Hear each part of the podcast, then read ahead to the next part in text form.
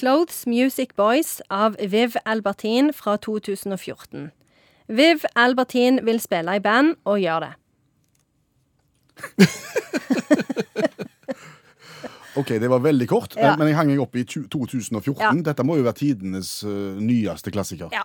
Her eh, tar vi oss litt friheter og utroper klassikere i øst og vest. Og uh, denne her boka er en rockebiografi. Så vi går jo òg over i en eh, ny sjanger som jo er litt spennende i seg sjøl. Eh, Viv Albertin hun spilte i punkebandet The Slits. Og eh, forteller litt om hvordan det var å være eh, kvinnelig rockemusiker i London på 70-tallet. Det var ikke lett.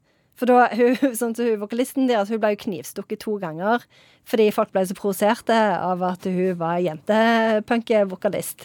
Eh, og når de var på turné, så fikk de ikke lov å sitte i frokostsalen sammen med de andre fordi de syntes at de så så rare ut. Hun skriver jo òg mye om liksom alle disse her andre bandene, Sex Pistols og The Clash, og hun var jo venner med, med alle de.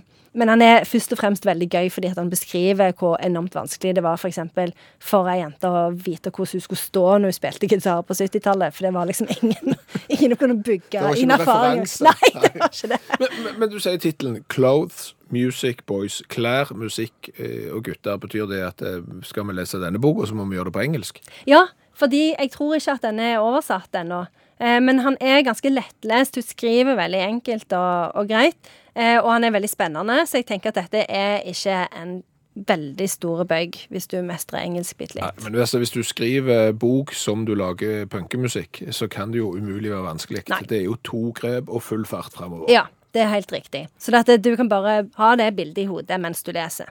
Men du sa hun var venner med de eh, mer berømte eh, mennene i denne perioden her, Mm. altså The Clash, Sex Pistols.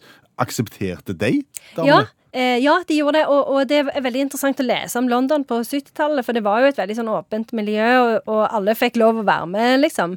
Men, men det var mer det liksom å klare seg som kvinnelig musiker, da. At det liksom Å bli på en måte tatt imot av de store massene. Det var og- publikum som ikke likte det. Ja, mm, og så òg særlig liksom eh, eh, borgerskapet da var veldig skeptiske til, til de, for de tok jo også og sprengte en del grenser og var ganske sånn utagerende i sin oppførsel, og det er jo én ting når gutter gjør det, men når jenter gjør det, Liksom Ja, jeg tror det. Jeg, jeg tror det. Jeg, hun nevner ikke Mette-Marit med navn, men, Men siden det var utagerende og eksperimentering, tenkte jeg, så det er jo veldig sånn de skal liksom dra til Amsterdam da, ganske tidlig i boka, når de er sånn 16.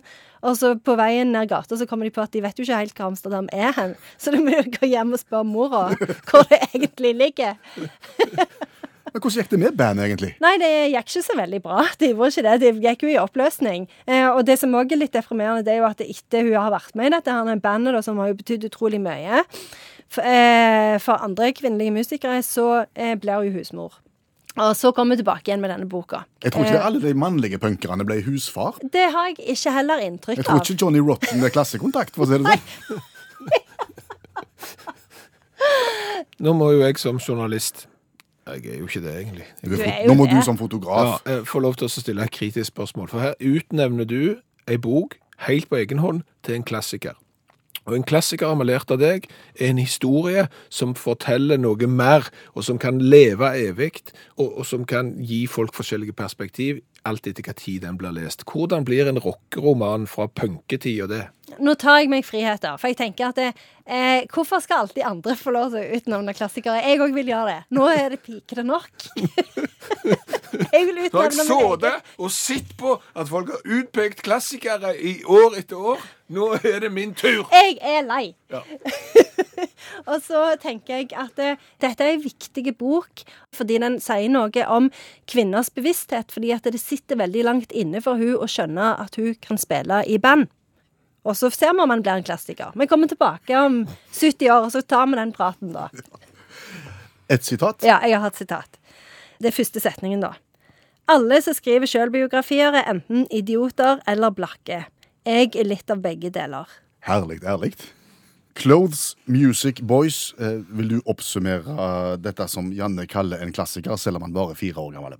Det er jo et eh, bilde på ei, tid eh, der utdannelsesinstitusjonene i England tydeligvis sleit på det sterkeste. For her er det et jenteband som skal reise til Amsterdam, men som ikke vet hvor Amsterdam er.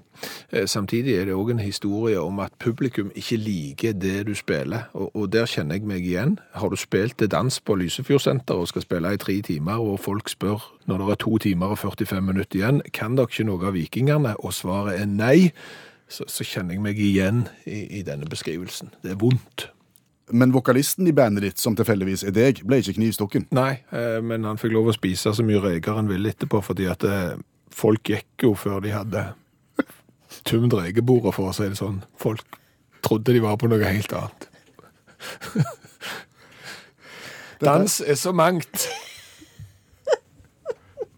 Ble dette for personlig, eller er dette en OK oppsummering av verket?